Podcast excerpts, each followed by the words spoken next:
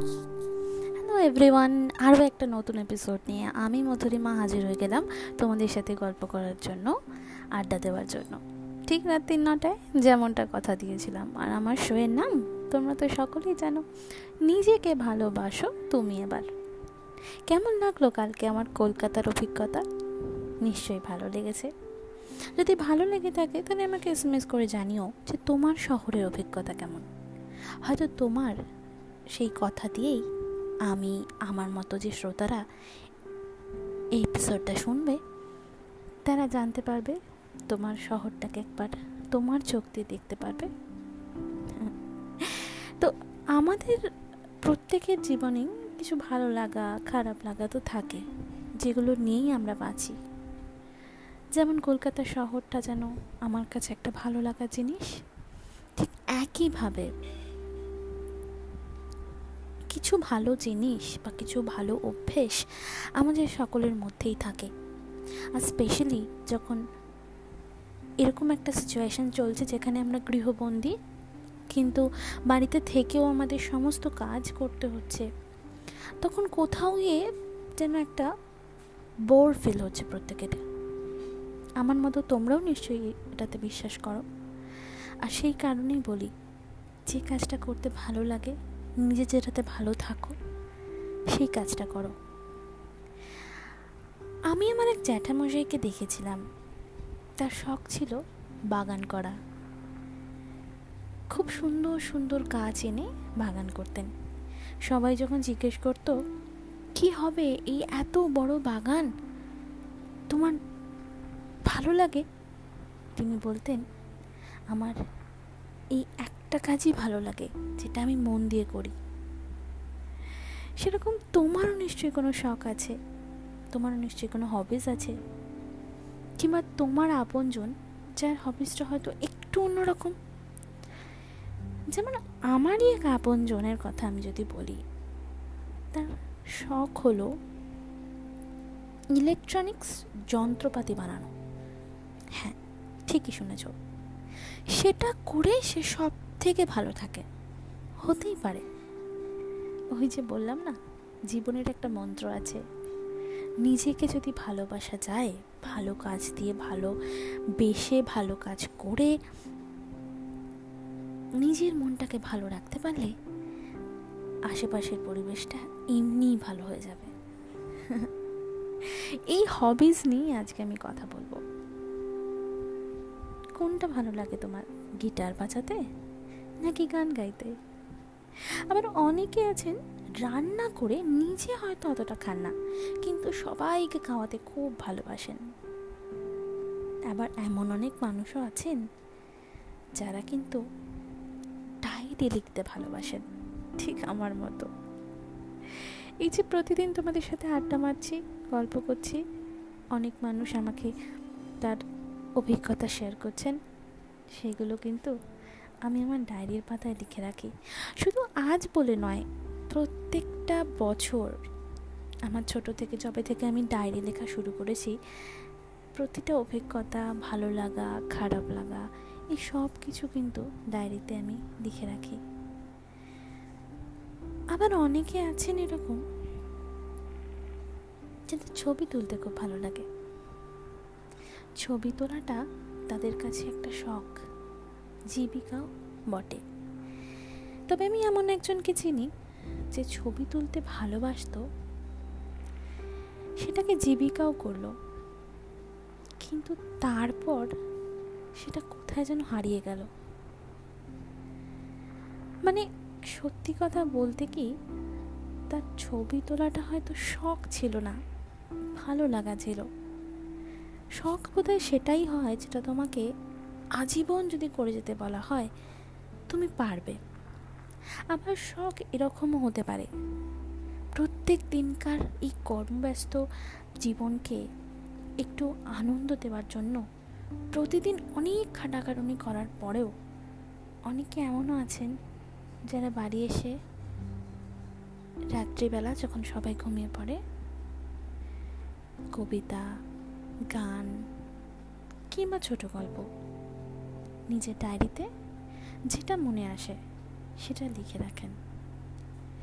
আর এই কাজ করতে কিন্তু তাদের কোনো ক্লান্তি আসে না, আর সেটাই বোধ হয় হবিস তোমারও আছে নাকি এরকম কোনো হবিস তাহলে শেয়ার করো। অনেকে হয়তো ভাবেন যে অনেকে পাহাড় চড়তে ভালোবাসে, অনেকে বাইক রাইডিং করতে ভালোবাসে, অনেকে মাউন্ট রেঞ্জিং করতে ভালোবাসে বা রক ক্লাইম্বিং করতে ভালোবাসে, ওটাই অনেকের শখ। কোন মানুষ কোনটাতে সুখী থাকবে সেটা তার মনই বলতে পারবে। আর আমার মনে হয় প্রত্যেকটা মানুষের এই শখ তাকে একটা আলাদা শান্তি দেয়, তাকে একটা আলাদা পরিতৃপ্তি দেয়। অনেকে গিটার বাজান, অনেকে আবার শরীর চর্চা করেন, প্রাণায়াম করেন কেউ আবার কেক বানাতে খুব পছন্দ করেন। আমার এক বন্ধু আছে যে কাজ করে অফিসে চোদ্দ ঘণ্টা, তারপরে বাড়ি ফেরে রান্না করে, তারপরে বাড়ির প্রত্যেকটা মানুষকে টেক কেয়ার করে তারপরে গিয়েও সে কিন্তু প্রত্যেক সানডে একটা করে এক্সপেরিমেন্টাল বেকিং করে, যেটা তার সব থেকে ভালো লাগার বিষয়। আর এটা করতে তার অধৈর্য মোটেই লাগে না। অনেকে আছেন যারা সেলাই করেন। আমরা ছোটবেলায় তো দেখতাম আমাদের মা ঠাকুমারা যারা খুব ভালোবাসতেন এই কাজটি করতে এবং অত্যন্ত নিপুণতার সাথে এই কাজটি করতেন। আমরা হয়তো ভাবতাম যে ওনারা দক্ষ এই কাজে, কিন্তু হতেই পারে যে একটা সময় এটা করতে করতে তখন তো জামা কাপড় ব্লাউজ এই সব কিছুই নিজেরা হাতে বানিয়ে নিতেন। কিংবা যেগুলো বাচ্চাদের প্রথম প্রয়োজনীয় জিনিস, কাঁথা কিংবা গায়ের চাদর, গালিচা অথবা আসন এবং সোয়েটার, টুপি, মাফলার এগুলো তো থাকতোই। এই সব তারা কিন্তু যত্ন নিয়ে আমাদের জন্য বানাতেন। কারণ তাদের যে ওটা শখ ভালো লাগা ছিল। তাই তাদের তাতে কোনো অধৈর্য লাগতো না। অনেকে আবার এখন হয়তো ভীষণভাবে রিয়ালিস্টিক লাইফ লিড করে, দশটা, পাঁচটা চাকরি করে, কিংবা নিজে একজন বিজনেসম্যান অথবা হয়তো মাঝে মাঝেই তাকে ওয়ার্ল্ড ট্যুরে যেতে হয়। কাজের প্রয়োজনে। সেই মানুষটাও কিন্তু বাড়ি ফিরে আসার পর হয়তো তার প্রিয় ক্যানভাসে ছবি আঁকতে ভীষণ ভালোবাসে।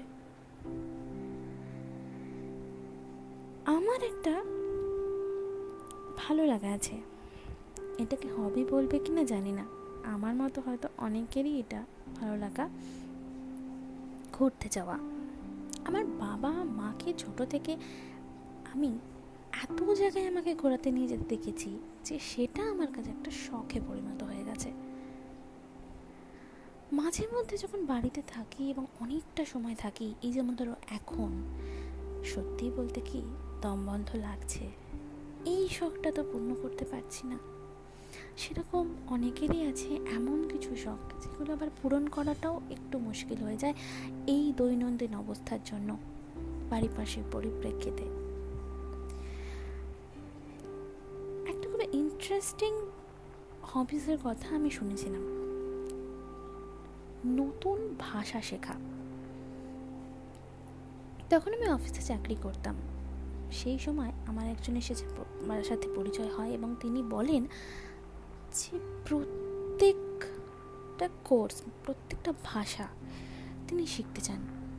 এবং কলকাতার একটি নামকরা প্রতিষ্ঠানে সেই ল্যাঙ্গুয়েজগুলো শেখানো হতো এবং আমার সাথে যখন সেই মানুষটির পরিচয় হয় অলরেডি তিনি তখন বারোটা ভাষার সাথে সুদক্ষ। এসব ছাড়াও অনেকের মানুষকে হাসাতে খুব ভালো লাগে। মানে যেমন এখন একটা প্রফেশন হয়েছে স্ট্যান্ড আপ কমেডি এরকম আমি একজন মানুষকে চিনি, যিনি এই কমেডিটা নেহাতি শখে করতেন, মানুষকে ভালো লাগানোর জন্য করতেন। সেটাই নিজের ভালো লাগার কখন বিষয় হয়ে গেছে, তিনি বুঝতেও পারেননি। আর সেটাই বাস্তবত তার কেরিয়ার হয়ে গেছে। তাহলে ভাবো। তুমি নিজেও হয়তো জানো না যে তুমি এমন কিছু পারো বা এমন কিছু ভালো লাগা তোমার আছে যেটা তোমাকে জীবিকা নির্বাহনে সাহায্য করতে পারে। তোমার হয়তো ভালো লাগে না তোমার মোটা টাকার মাইনের চাকরি। হয়তো তোমার তার জায়গায় একটা নতুন ঘর কীভাবে সাজানো যায় সেটা ভালো লাগে। মানে যেটাকে আমরা পোশাকি কথায় বলতে পারি ইন্টেরিয়র ডেকোরেশন হ্যাঁ এটাও অনেকের শখ হতেই পারে। তাই বলছি বন্ধু, কোনো শখকেই বিলুপ্ত হয়ে যেতে দিও না। ভালোবেসে আকে আঁকড়ে জড়িয়ে রাখো। দেখবে সেই শখটাও একদিন তোমাকে কিছু না কিছু উপহার দিয়ে যাবে। আর সেই উপহারটাও কিন্তু বড় প্রাপ্তিরই হবে। গবেষণায় এখন এই হবিজ নিয়ে যে কথাগুলো বলছে, সেটা খুবই বাস্তবিক এবং খুবই সুসম্মত। একটা রিসার্চ বলছে যে এই হবিস প্রত্যেকটা মানুষের যে শখ, যে সেগুলোকে পূরণ করতে পারাটাও একটা শখ। এবং অনেকে আছেন বা অনেক গবেষণায় দেখা গেছে যে একটা মানুষ যে প্রত্যেক দিন হয়তো একটা সে হয়তো একজন সফটওয়্যার ইঞ্জিনিয়ার সে প্রতিদিন একই ওই কোডিং করতে করতে করতে করতে তার সবগুলোকেই হারিয়ে ফেলছিল।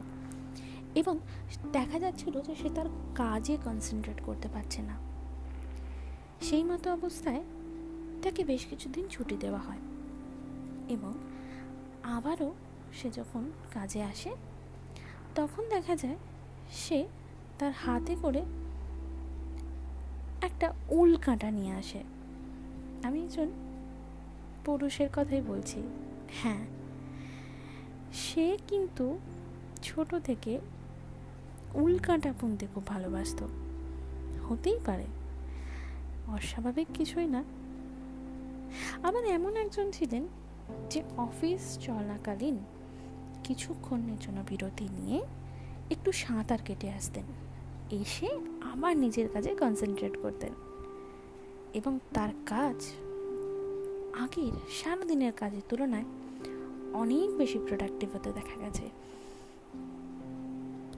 Confidence of your work depends on your hobbies এটা একেবারেই সত্যি। মানুষের মনোবল, মানুষের কাজের দক্ষতা, মানুষের কাজের ধৈর্য, এই সব কিছুই নাকি মানুষের ভালো লাগা, মানুষের শখ, এগুলো পূরণের মাধ্য দিয়ে বেড়ে যায়। তাছাড়া আরও একটা গবেষণা বলছে যে মানুষের মাইন্ড কিছু চ্যালেঞ্জিং সিচুয়েশন আসে যেগুলো এই শখ দিয়ে নাকি পূরণ হয়েছে। একদিন একজন ব্লগার ছিলেন, তিনি হঠাৎই কিছু কাজ করতে করতে তার পুরনো একটা শখের কথা মনে পড়ে যায়। সেই শখটা যখন তিনি তার কাজের মধ্যে দিয়ে ইউজ করেন, তখন দেখেন যে তার ব্লগার জীবনে তিনি যা যা অ্যাচিভ করেছিলেন, ওই একটা ছোট্ট শখকে তিনি তার ব্লগিংয়ে ইন্ট্রোডিউস করাতে, তার লেখা, তার ব্লগিং তার সোশ্যাল কন্ট্যাক্ট এগুলো সমস্তটা অনেক ধাপ এগিয়ে গেছিল। তাই মনে হয় মানুষের জীবনে মানুষের শখটা অনেক important then other everything stress relief করাটাও তো একটা বিশাল বড় গুরুত্বপূর্ণ ভূমিকা আমাদের জীবনে। এত বেশি ফাস্ট লাইফ এখন আমাদের, যেখানে স্ট্রেস রিলিফ হওয়াটা খুব দরকার। আর এই শখগুলোই তোমাকে সেই স্ট্রেস রিলিফ করতে দেবে। আমি বলছি না, গবেষণা বলছে। তাছাড়া এই শখের মধ্য দিয়ে তুমি হয়তো সেই এক কোণে বসে বসে কিছু কাজ করতে, তার জায়গায় মানুষের সাথে একটু ইন্ট্রোডাকশন করবে। কারণ অনেকেরই আছে এরকম শখ যে তারা হয়তো পাড়ায় আড্ডা মারতে ভালোবাসেন। এটাই তার শখ। তাই বলছি বন্ধু, নিজের শখটাকে কিন্তু হারিও না। ধরে রাখো, সেটাই তোমাকে একদিন তোমার সাফল্যের চূড়ায় নিয়ে যাবে। কে বলতে পারে? এই শখটাই হয়তো তোমার জীবনে একটা ট্রাম কার্ড? এই জীবনে সব কিছুই সম্ভব। আর তাই নিজেকে ভালো রাখো, নিজের শখ পূরণ করো, নিজের হবিসগুলোকে বারবার করে করো। যে যা ভালোবাসো, সেটাই করো। কারণ জীবন তো একটাই। এই জীবনটাকে পুরোপুরি উপভোগ করার জন্য আমরা সবাই অপেক্ষা করি। অনেক বাধা আসে, বিপত্তি আসে, ভালো লাগা আসে, খারাপ লাগা আসে। টুকরো টুকরো অনেক অভিজ্ঞতা দিয়ে আমাদের এই জীবনটা তৈরি হয়। কিন্তু তার মধ্যেও একটু আনন্দ যদি পাওয়া যায় কিছুক্ষণের জন্য, তাহলে মন্দ হয় না। আর তাই বলছি, এই কোয়ারেন্টাইন টাইমে বাড়িতে যখন বন্দি, তখন একটা ভালো কিছু করেই ফেলো। আমি তো আমার সমস্ত শখ যেটা ছিল গিটার বাজানো, রান্না করা, বই পড়া, রেডিও জকি। তাছাড়া তোমাদের সাথে আড্ডা মারা, বাড়ির লোকজনের সাথে সময় কাটানো সব থেকে ইম্পর্ট্যান্ট আমি একটা অভ্যেস তৈরি করেছি এবং সেটা আমার ভালোভাবে কাজে লাগছে। এটা আমার শখ ছিল না, এখন এটা আমার অভ্যেসে পরিণত হচ্ছে। প্রত্যেক দিন সকালে উঠে যোগা করা। এটা কিন্তু আমি করছি এবং আমার মনে হচ্ছে এটা আমাকে অনেক বেশি স্ট্রেস রিলিফ করেছে। তোমরা ট্রাই করতে পারো। দেখো না তোমাদের শখ দিয়ে তোমরা তোমাদের মনের ক্লান্তিকে গোছাতে পারো কি না জানিও আমাকে। আজকের এপিসোডটা শখ পূরণ দিয়ে শেষ হোক। আর আজকেও তোমাদের জন্য একটা সুন্দর গান অপেক্ষা করছে। তাই সব বন্ধু প্রত্যেক দিন রাত্রি নটায় আমি মধুরিমা হাজির হয়ে যাব এক একটা নতুন টপিক নিয়ে তোমাদের সাথে আড্ডা মারার জন্য, গল্প করার জন্য আর শেয়ার করব আমার লাইফ আর তোমার লাইফের কিছু ঘটনা, কিছু মুহূর্ত স্পেশাল মোমেন্ট সঙ্গে থেকো, শুনতে থাকো আর ওই যে যাওয়ার আগে বললাম, ভালো একটা গান তোমাদের জন্য অপেক্ষা করছে। শুনতে থাকো।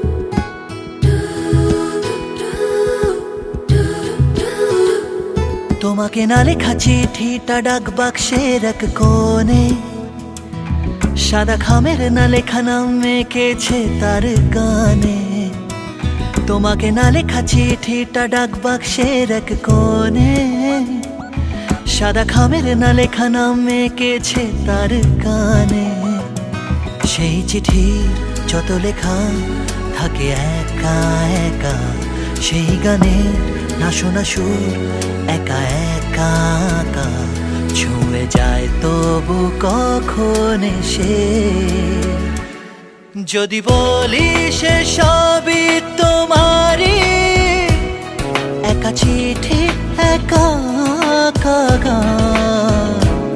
যদি বলি সে সবই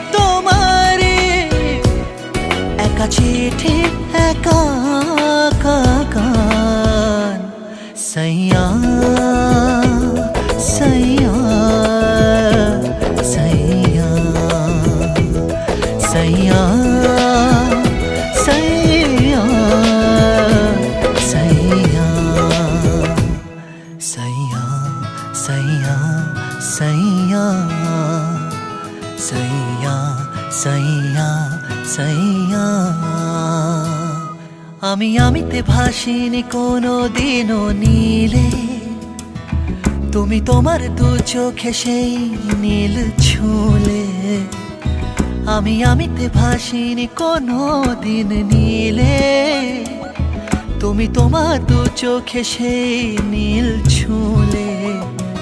আজও আমার সারাটা নীল থাকে একা একা।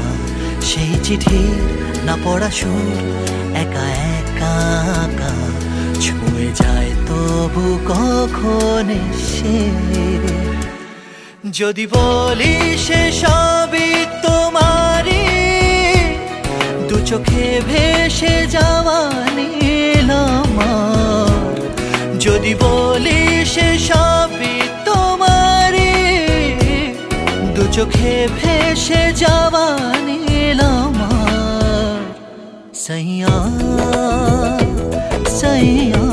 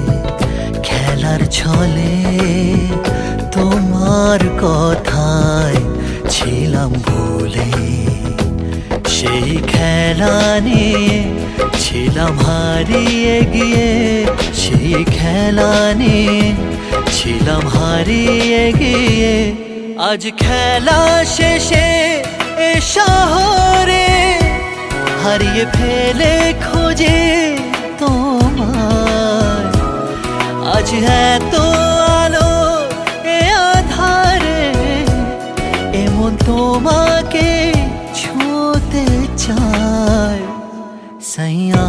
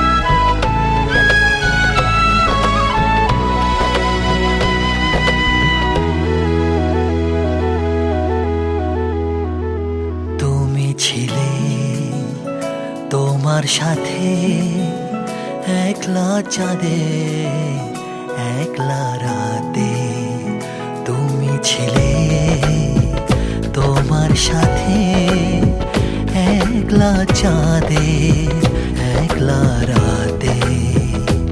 আমি আমায় নিয়ে ছিলাম, হারিয়ে গিয়ে। আমি আমায় নিয়ে ছিলাম, হারিয়ে গিয়ে। আজ একা একা बाहर फेले खोजे।